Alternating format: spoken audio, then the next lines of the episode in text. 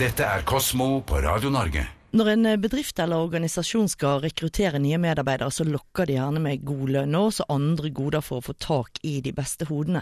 Men det er ikke alle arbeidsgivere som oppfyller løftene sine. Og nå viser en eh, ny forskning at eh, ansatte som opplever løftebrudd fra en arbeidsgiver, de tar gjerne med seg denne negative opplevelsen over i en ny jobb. Bjørnar Kjensli fra forskning.no, det er en organisasjonsforsker som heter Robert Buck, som har tatt en doktorgrad på dette ved Handelshøyskolen BI. Og blant annet altså han undersøkt denne sammenhengen mellom medarbeidernes opplevelse av hvordan de ble behandlet av tidligere arbeidsgivere og forhold til nåværende arbeidsplass.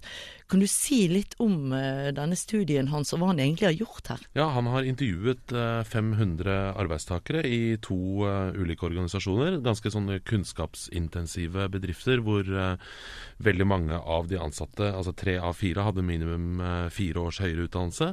Så dette er høyt utdanna folk som også har bytta jobb et par ganger. De hadde i gjennomsnitt 19 års fartstid i arbeidslivet, så dette her er altså folk som er godt vant i, i privat næringsliv. Da.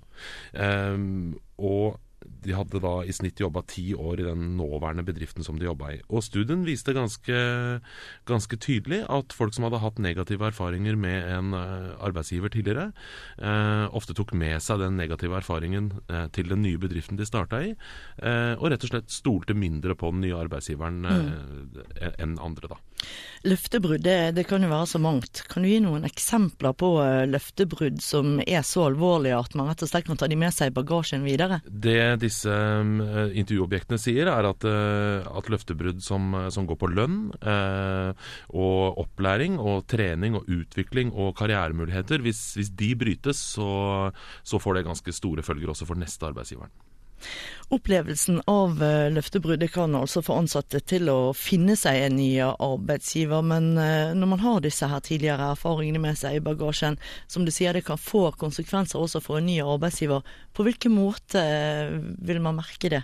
Først og fremst så vil arbeidstakeren da oppfatte forholdet til den nye arbeidsgiveren sin først og fremst som økonomisk, eh, og det er ikke noe særlig. For hvis man jobber et sted egentlig bare pga. lønna, så yter man ikke særlig godt. Hvis man, hvis man følger en, eh, et sosialt forhold eh, til sjefene sine og til de rundt seg, så vil man yte mye bedre. Så det, Dette er jo bedriftsforskere opptatt av, at man skal yte så godt som mulig på jobben. Og det å, å bare jobbe for lønn, det, det er ikke noe særlig. Kan en arbeidsgiver gjøre noe selv for å redusere redusere påvirkningskraften til eh, ansattes mindre gode erfaringer med tidligere arbeidsgivere, for å si det sånn. Det ble litt innviklet, men du skjønner hvor jeg vil hen. Ja, altså det han, eh, forskeren fra BI har funnet ut, er at det er veldig viktig når man eh, tar imot nye arbeidstakere i en bedrift, at man opptrer støttende og forsikrer arbeidstakerne om at her vil du bli tatt vare på, og det vi forteller deg, det kommer vi til å holde. Du, du vil få karrieremuligheter, og, og, og, du vil få den opplæringen du trenger, og du vil stige jevnt og trutt i lønn.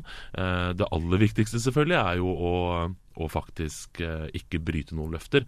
Eh, men sånn helt i begynnelsen, og det, det å opptre støttende eh, mot arbeidstakerne, det er veldig viktig. Du hører Kosmo med Marianne Moe på Radio Norge.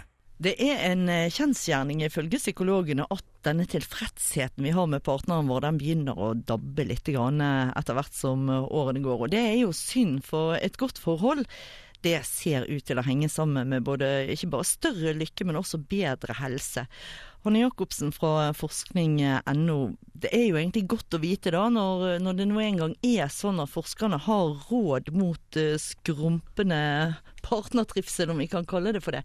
Hva anbefaler de? Det er ganske enkle ting de anbefaler. Ehm, for det de har gjort her, er å få folk i parforhold, ekte, dette ektemaker, som har skrevet ned eh, noen refleksjoner om hvordan det går i parforholdet deres. Tillit og kjærlighet og lidenskap og sånne ting. Og så skulle de skrive ned noe om eh, hvordan den siste krangelen mellom eh, deg og partner hadde vært. Det var greit, det gjorde alle. Og da viste at tilfredsheten i løpet av de to årene som dette prosjektet eh, foregikk, gikk ned. Men så, eh, etter en stund, så ba de de om å gjøre akkurat de samme skriveøvelsene øvelsene pluss én til.